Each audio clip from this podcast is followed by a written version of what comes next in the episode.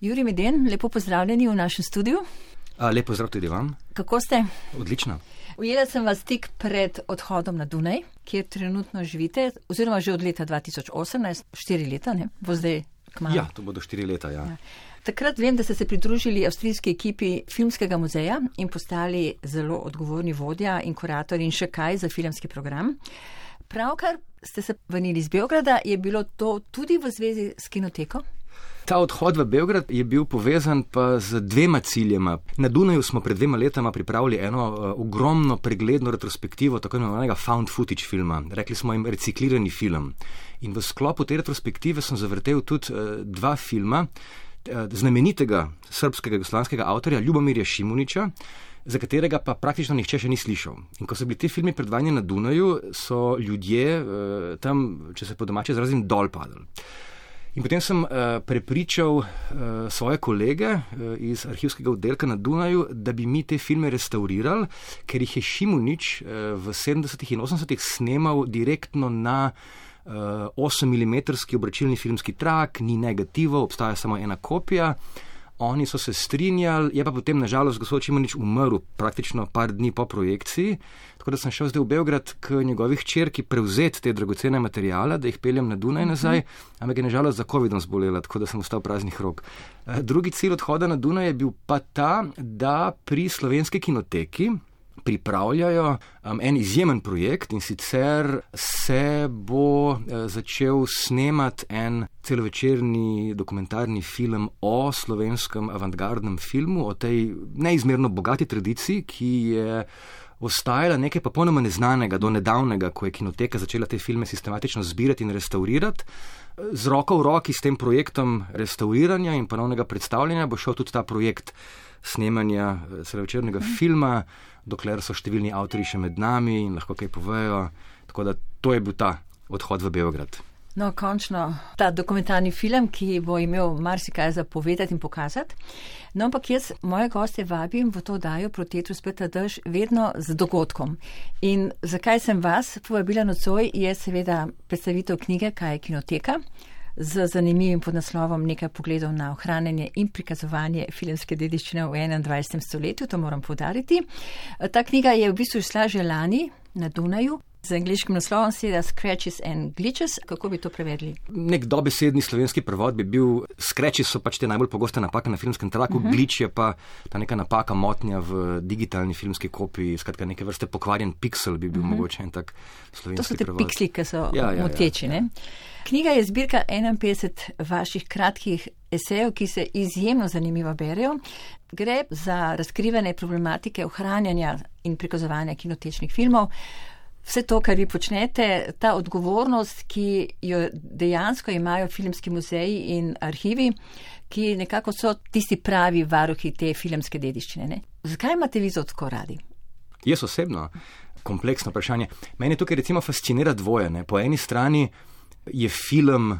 Pa, ko rečem film, tukaj ne mislim samo na filmski mhm. trak, mislim na film v najširšem pomenu te besede. Je film absolutno medij, ki je zaznamoval 20. stoletje, medij, s pomočjo katerega si bomo zapomnili to 20. stoletje, -huh. danes so tukaj za neki popolnoma drugi mediji, ki so primat prevzeli. Hkrati pa vsaj povprečni odjemalci filma kot umetnosti ali pa zabave na film vedno gledajo kot na nekaj, kar nam je dano. Ampak dejansko gre za nekaj strahotno efemernega. Ampak res strahotno efemernega, nekaj, kar v primerjavi z nekimi ostalimi umetniškimi deli, nekaj v primerjavi z recimo glasbo, arhitekturo, nimamo nikakršne garancije, da bo. Eh, preživelo tako dolgo časa, kot pa recimo je preživela kot rečeno neka stavba ali pa neka knjiga. Ta efemernost tega medija je nekaj, kar mene fascinira in na nek način bi se dalo strniti vseh teh 51 esejev v eno samo misel in sicer, da je to ena zgodba o tem, kako utopična je pravzaprav ta cela zadeva, ta cel projekt poskusa ohranjanja filmske dediščine. Um, in kako je ta filmska dediščina, ki je ohranjena, in ta filmski kanon, ki je oblikovan, nekaj, kar se je zelo naključno oblikovalo, nekaj, kjer so neke estetske presoje igrale veliko manjšo vlogo kot pa eh, neki drugi faktori, kot so ideologija, ekonomija in tako naprej. No, potem takem seveda bi bili kuratori dolžni predstaviti vsak film v izvirnem formatu in ne v digitalnem, kot to danes počnemo. E, to je zelo kompleksno vprašanje, na katerega lahko odgovarjam ure in ure. Dejstvo je, da smo mi filmsko tehnologijo, ko zdaj rečem film, pa mislim na filmski trak, zavrgli. Uh, pred desetimi leti zelo uspešno, ohranja se v uh, filmskih muzejih, pa še to v resnici v zelo redkih filmskih muzejih. Jaz tukaj nad tem ne jadikujem, dejstvo je, da je to tako, kot je, ampak opozarjam pa, da tukaj ni šlo za nekakršno tehnološko nujo, za, za nekakršen eh, napredek, ki je bil neogiben, ampak da je šlo za neko zelo preprosto tržno odločitev, uh -huh. uh, zaradi katere smo mogli v smeti vršiti vse svoje stare filmske projektorje in zaradi katere smo posledično napravili zgodovino filma nevidno in jo zdaj.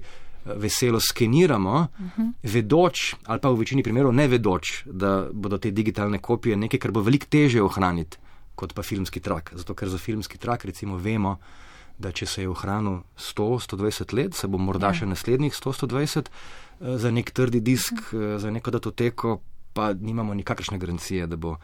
Da bo čez 100-120 let spet nekaj, kar bomo lahko našli in si zavrteli. No, ampak zdaj, če gremo v kinoteko, v eno tako zanimivo hišo, kjer zdaj delujete, v bistvu, kot vi pravite, je naloga kinotek in arhivov ne samo, da reproducirajo uveljavljene filmske kanone, kot je pravite, ampak da tudi ponovno vrednotijo in aktivno se oblikujejo dela, ki jih bojo, naprimer, to, ko zdaj mi razlagate, kaj ste želeli početi v Beogradu. Ne?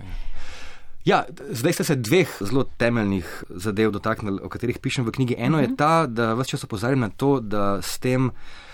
Če smo nek film ohranili in shranili v arhiv, nismo s tem še nič naredili. Filme je treba napraviti dostopne, vidne, treba jih je prikazovati in z izbiro tega, kaj prikazujemo in kako prikazujemo, pišemo zgodovino filma. Vsak dan na novo oblikujemo prihodnost filma. In meni je tukaj recimo zelo veselijo vse te zadeve, ki se dogajajo na področju kulture, kulturnih diskurzov, vse te premiki, novo vrednotenje zgodovine in posledično eh, novo vrednotenje zgodovine filma. Zdi se mi fantastično, da res v živo na novo pišemo zgodovino filma z nekimi idejami v mislih, kaj je tisto, kar je za nas pomembno, ker kaj pa je s tem narobe v resnici, če na ta način razmišljamo o filmu. Po drugi strani pa pišem tudi o tem, naloga filmskih arhivov ni samo ohranjanje filma, pa filmske projekcije, pač pa tudi ohranjanje publike. To je recimo neka ideja, ki se mi je v bistvu artikulirala, ko se je zgodila ta korona kriza, ko sem pravzaprav ugotovil, ugotovil, opazil sem, da se je en ogromen del nekih eh, kinodvoran, filmskih festivalov, ki so prej bazirali na tem, da predvajajo filme v živo, hipoma preoblikoval v spletne pretočne platforme, eh, brez težav, eh, nekaterim je to uspel, drugim to ni uspel, ampak takrat mi je postalo jasno, da je ta trend gledanja filmov na malih zaslonih doma, ne pa na velikem platnu, pravzaprav nekaj, česar ni iznašel ta koronavirus, on je samo uh, pospešil nek trend, ki je obstajal že prej in ki je v bistvu, ne, spet nisem pesimist, ampak se mi zdi realist, neustavljiv. Um, in na tej točki sem v bistvu potem ugotovil, da naloga filmskih arhivov, kinotek muzejev, morda celo bolj kot ohranjanje filmske dediščine, je ohranjanje publike. Uh -huh. Ohranjanje ideje tega, da se na enem mestu zbere skupina ljudi z nekim sorodnim interesom, doživi neko izkušnjo skupaj, si jo deli, potem o njej debatera. Skratka, nekaj zelo staromodnega v resnici na nek način, po drugi strani pa modernega, čeprav se to danes seli v digitalni svet, mi pa govorimo tukaj o tem ohranjanju fizičnega prostora. Mhm. Vi ste prišli na Dune 2018. Kako ste pozvali, kakšna je ta kultura gledanja oziroma kakšen je ogled filma? Ravno zdaj živimo v časih, ko se radikalno na novo definirajo občinstva kinotek. Ne. Do se mi zdi nekih deset let nazaj je veljalo, da v kinoteke, v filmske muzeje zahajajo predvsem tako zvani cinefili in cinefilke in tam gledajo filme. Je pa to absolutno odvisno od, od mesta do mesta. Ne. Izkušnja Ljubljana je nekaj, izkušnja Dunaja je nekaj drugega, izkušnja Amerike je nekaj popolnoma tretjega. Tisto, kar se recimo na Dunaju meni zdi nora zanimivo zdaj, je to, da eh, Dunaj je izjemno hitro raztoče mesto, kjer bo število Eh, ne Avstrijcev, oziroma ljudi, ki niso bili rojeni v Avstriji, zelo kmalo, vsak hip, preseglo 50%, kar je eh, izjemen podatek. Fantastično je živeti v mestu, ki je tako multikulturno. Hkrati pa, če pogledaš, kako se kulturne ustanove obnašajo na Dunaju, ne samo moja kinoteka, ampak vse ostale.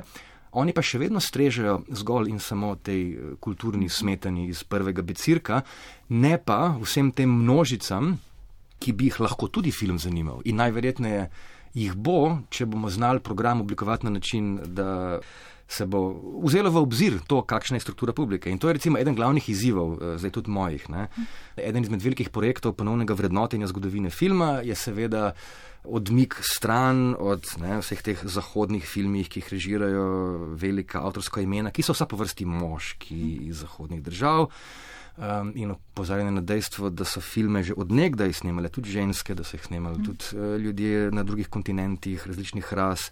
Skratka, filmski programi se mi zdi, um, vseh kinotek in arhiva postajajo vedno bolj fragmentirani, vedno bolj pestri, vedno bolj bogati in na ta način prevlačijo tudi eno uh, veliko večjo in bolj raznotero množico ljudi.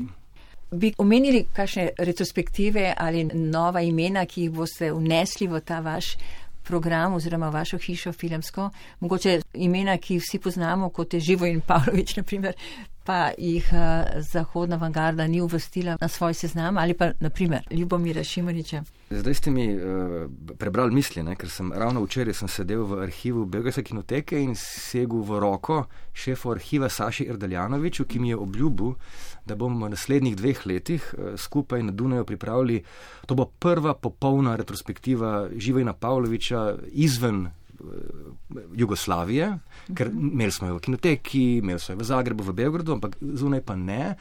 Uh, namreč moja teza je, in tukaj se pa ne motim, no, da, da je kinematografija Jugoslavije uh -huh.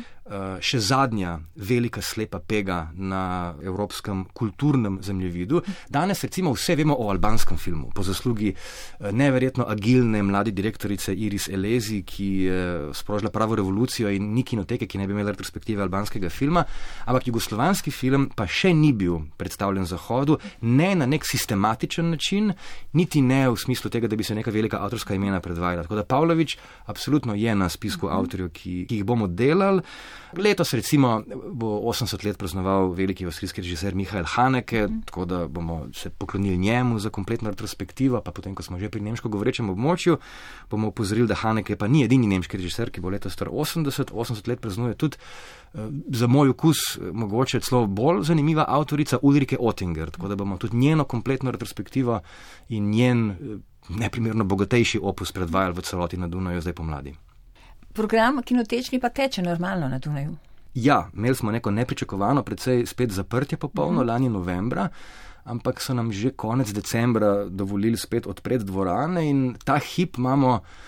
Eh, en tak zelo popularen program, eh, ne, klanjamo se velikemu maestru Eniju Morikoneju z obsežno retrospektivo njegovih filmov. Mislim, da smo dali na program blizu 50 filmov um, in to je seveda neizmerno popularno pri ljudeh. Um, hkrati pa, kar je pa zanimivo, je pa še bolj popularno. Ne? Imamo pa retrospektivo uh, velike iranske avtorice Rakšan Bani Etemat, katere retrospektivo je v kinoteki pripravil Andrej Šprah pred 20 leti, vmes je posnela že 20 novih filmov. Um, ampak je pa recimo bolj popularna, ne? Eh, ona kot pa Morikone. Tudi po zaslugi recimo dejstva, da ima Dunaj uh, ogromno uh, iransko diasporo, ampak hodijo predvsem te lokalni sinefili, ne? ker, ker jim je to neko čisto novo ime, za katerega no. niso nikoli preslišali. In zanimivo je, da je ta vaš filmski muzej, ta kinoteka, da je v samem epicentru muzeju, ne? kjer ljudje hodijo nenehno mimo. Ne? Ja, mi imamo to srečo, da smo locirani v Albertini oziroma v pritličju Albertine. Če se potrudimo, lahko tudi privabljamo te eh, horde obiskovalcev. In se zgodi dosti, da naredimo kakšen program skupaj. Recimo, prav nedavno je Albertina imela razstavo ene sjajne ameriške fotografinje Helen Levitt. Mi smo potem tudi mi naredili retrospektivo njenih filmov, pa Marija Lasnik, ki jo zdaj v Avstriji čestijo kot uh, absolutno eno največjo, največjih umetnic 20. stoletja. Vsi vejo, da je slikarka, ampak ona je posnela tudi en uh, niz uh, prekrasnih filmov, ki smo jih mi restaurirali. In potem skupaj delamo te programe, in dobimo potem, seveda, tudi to publiko, ki pride tudi v filmski muzej naš je ta sjajna fotografija v povezavi z muzejem Georgea Eastmana, kjer ste vi bili nekaj časa vodja tamkajšnje kinoteke. Ponudili so vam vlogo kuratorja filmskega programa zaradi vaše izjemne strokovnosti v, v filmskih arhivih. Ne? To je bilo tako res prvo potovanje ne? in izjemno priznanje da ste šli kar v Združene države Amerike. Ne? Ja, to je bilo pa 2014, ja, tam uh -huh. sem mhm. bil tudi štiri leta. Ampak ne, Helen Levitt, zanimivo, da ko sem jaz njene filme na, tu na Dunaju videl, sem potem svoje kolege v Ameriki obvestil o tem, da morajo nujno obratno, pripraviti uh, retrospektivo uh -huh. njenih filmov in razstavo njenih fotografij, ker George Eastman muzeum je pa v bistvu je kinoteka, seveda, in to je ena najstarejših uh -huh. in največjih na svetu. Ampak mogoče zelo bolj pomembno je pa to, da je to absolutno najstarejši in največji muzej fotografije na svetu. Potem ste dobili pa novo povabilo in se šli na Dunaj, ne? Eh, kar pa je tudi neko izjemno časno priznanje. Ne? Ker Dunajska kinoteka pa je ena, ki ima največji arhiv avangardnega filma Zahodne Evrope. Dunajska kinoteka ima najverjetneje res kar največji arhiv avangardnega filma Zahodne Evrope in Amerike in tudi ima bogato tradicijo programiranja avangardnih filmov. Pa nasploh je ta Dunajska kinoteka nekako veljala, upam, da še vedno velja kot za. Uh, eno najbolj prodornih kinotek eh, z izjemno zanimivim programom, tako da je bil to seveda, ko so me povabili tja, izziv, ki ga nisem mogel eh, zavrniti, čeprav sem vedel, da bo, da bo veliko več zadelati. Kot pa v ZDA, ker eh, tam smo recimo vrteli samo po en film na dan, ker je bil pač tak princip že 60 uh -huh. let in se ni spremenil in se je vedno samo en film na dan odvrtel, da je publika tega mesta, ki ni zdaj to zelo veliko mesto, Rochester, ni imel pol milijona prebivalcev, recimo. Um, ne, niso hoteli dveh filmov na dan, na Dunaju pa včasih vrtimo filme od jutra do večera, tako da je neprimerno več dela, ampak mi ni žal, seveda. V Ljubljani ste bili tudi vodja, programski vodja kinoteke in zdaj, če naredimo eno tako primerjavo, gre za tri kinoteke, eno ameriško, eno najstarejših, pa Dunaj, pa Ljubljana. V Ljubljani ste tudi uživali. Ja, ja, seveda, tudi v Ljubljani sem uh, užival. Bi rekel celo, da je ljubljanska publika primerjavi z ameriško ali pa z avstrijsko, mogoče celo daleč najbolj radovedna. Najmlajša. Uh, zelo mlada, na Dunaju imam zelo mlada publika. Uh, bila je mlada, bila je predvsem zelo radovedna. No. Jaz se ne spomnim, da bi kdaj naredil program in da se ne bi dalo prebuditi zanimanja za njega. Pa ne je šlo še za tako kompleksne ali pa mogoče obskurne, neznane zadeve. Seveda, kazali smo tudi eh, velika imena, ampak ljubljanska publika se mi zdi, no, je bila res neverjetna v tej svoji radovednosti.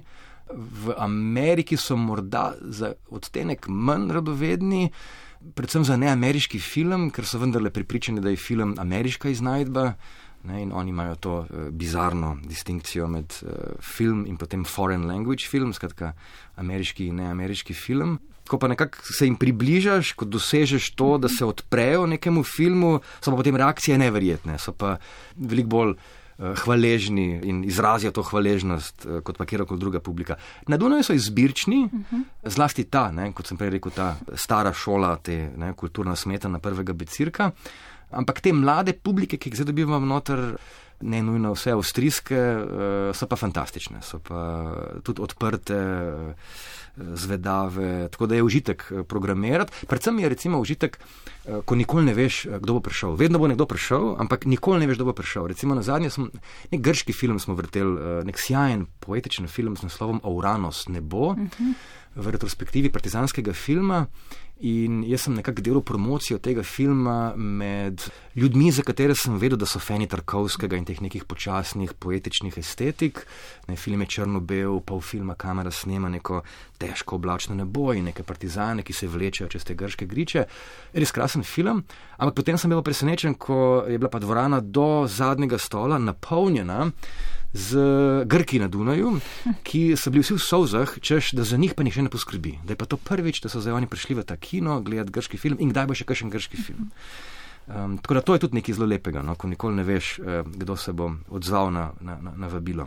Zdaj, ko mi govorite o tej odzivnosti eh, gledalcev, to je seveda res odvisno od okolja, v katerem eh, bivajo in bivamo, ampak bistvo je, da ta kultura filma živi. Ne? Tudi če gre na Netflix, tudi če bo prihodnost prinesla neke nove oblike filma, tudi če bo zgolj, kot vi napovedujete, prišlo do ene same platforme, enega samega zaslona. Filmske projekcije bodo obstajale tako kot vi trdite, kot opere, kot ta kultura bivanja in ta klasika, ki je nujna. Ne? Nedvomno, ja. Jaz mislim, da filmska projekcija se bo ohranila, kot se je do danes ohranila opera. Hkrati pa se tudi absolutno s tem strinjam, da filmska kultura bo živela še naprej. Morda so danes tukaj neke druge stvari, mm -hmm. ki ljudi zanimajo bolj masovno kot pa filmi, mogoče več ljudi gleda nadaljevanke, ker je spet nekaj zelo eh, zanimivega. Ampak se bo ohranila in nič ni narobe s tem, če se zdaj tukaj pa večina vsega gledanja in razmišljanja dogaja na internetu. Tako pač je. Ta strast do filma, ta cinefilija ni nič manjša, nič lepša, nič manj dragocena, uh -huh. kot pa je bila prej, ko smo samo sedeli v dvoranah. No, vi tudi v knjigi navajate, kako se je vloga arhivarja nekako spremenila, da more veliko več vedeti o zgodovini filma, tudi o tehnologiji, o, ne samo o arhiviranju. Skratka, gre za postopke, ki so pomembne za arhivarja, kot tistega, ki zbira in dela program. Ne? Ja, dolgo časa je recimo znotraj stroke veljalo, da. Filmski arhivar je ta, ki pregleduje filmsko kopijo, se mora spoznati na tehnologijo, ampak za njega je film filmski trak. Filmski programer, kustos je pa ta, ki ga zanima vsebina, to, kaj je na tem traku. In ni nujno, da ga zanima zdaj, kako se pa zdaj ta filmski trak ohranja in tako naprej. Danes absolutno nismo več v času, ko bi si lahko prvoščili luksus te delitve. Jaz mislim, da mora danes čisto vsak arhivar biti obenem, vsaj ljubiteljski filmski zgodovinar in vedeti, zakaj počne to, kar počne. Hkrati mora pa vsak filmski programer in kustos eh, se prekleto dobro zavedati eh, filmskega arhivarja in kaj vse je potrebno, da si on ali ona zaželita nek film in ga na program spravita. Tako da to dvoje mora iti z roko v roki. Na več mestih v knjigi pišemo o tem, kako uh, je tukaj škoda, da se določene vednosti ne zbližujejo bolj, da področje ohranjanja filma, da se ne oplaja več pri področjih ohranjanja drugih umetnosti, da, da, da vsi vsak po svoje mogoče odkrivamo toplo vodo. Ne. Jaz, recimo, ko sem eh, kdaj na kakšnih konferencah in gledam svoje filmske kolege, ki se pogovarjajo o bazah podatkov, dobim občutek, da dejansko začenjamo iz niča ne, in noben ne gre vprašati, kako se ta problem katalogiziranja in. Ne, Kaj se dogaja? Ne? Ja, rešili nekaj druge že v knjižnicah, recimo, ker so se s tem soočili veliko prej in tako naprej. To, kar vi pišete v, v teh esejih, vi tudi veliko predavate, ne? kako se vam te stvari odvijajo V Ameriki sem predaval mm -hmm. veliko, na Dunaju niti ne, oziroma samo priložnostno, ampak v Ameriki ta George Eastman -hmm. je bil pa poleg muzeja fotografije in muzeja filma, je bil pa tudi šola filmskega -hmm. ohranjanja, uh, Jeffrey Selznick School of Film Preservation, v bistvu najstarejša in tudi največja šola filmskega ohranjanja, kjer se je dalo to študirati, kjer se je dalo iz tega diplomirati, magistrirati.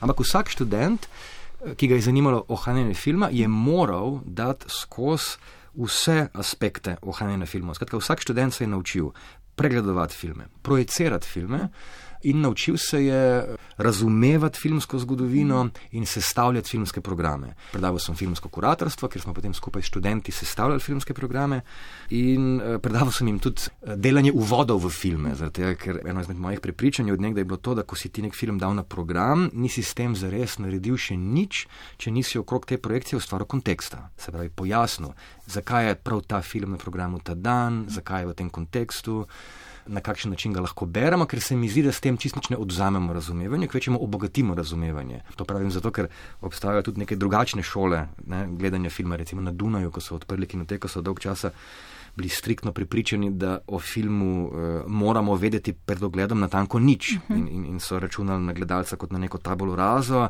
ki jo potem film pretrese, ker se meni osebno ne zdi pravilen način, uh -huh. zaradi tega, ker ne, če ne veš, kaj je to gost, potem boš videl samo pet dreves in obratno. Uh -huh. Eh, rekla sem, da bi rada videla to retrospektivo Dunajčana, ki je večji del življenja preživel v New Yorku, bil je direktor New Yorkskega filmskega festivala, bil pa seveda tudi publicist in predavatelj na eni od univerz. Govorim o Amosu Voglu, ne, eh, ja. ki bo zdaj na vrsti v vašem muzeju. Ne? Eh, ja, Uh, Amos Vogel ima neko posebno povezavo z našo kinoteko, namreč mm. potem, ko je on umrl, to je bilo v bistvu pred kratkim, smo mi prevzeli njegovo enormno knjižnico v New Yorku in zaštartali nek projekt. Amos Vogel, kjer raziskujemo njegove tekste, se prebijemo čez opombe, ki jih je pisal v knjige, uh, redno proizvajamo eno serijo akademskih tekstov o njem in sprožili smo tudi uh, eno novo programsko serijo, ki jo rečemo Amos Vogel Atlas, kjer vrtimo filme, ki jih je on vrtel uh, in jih potem prepletamo, si poskušamo domišljati, da razmišljamo podobno kot on in iščemo neke filme, ki jih on ni vrtel, ker ni za nje vedel, ki so takrat nastajali. Bila je velika retrospektiva lansko leto.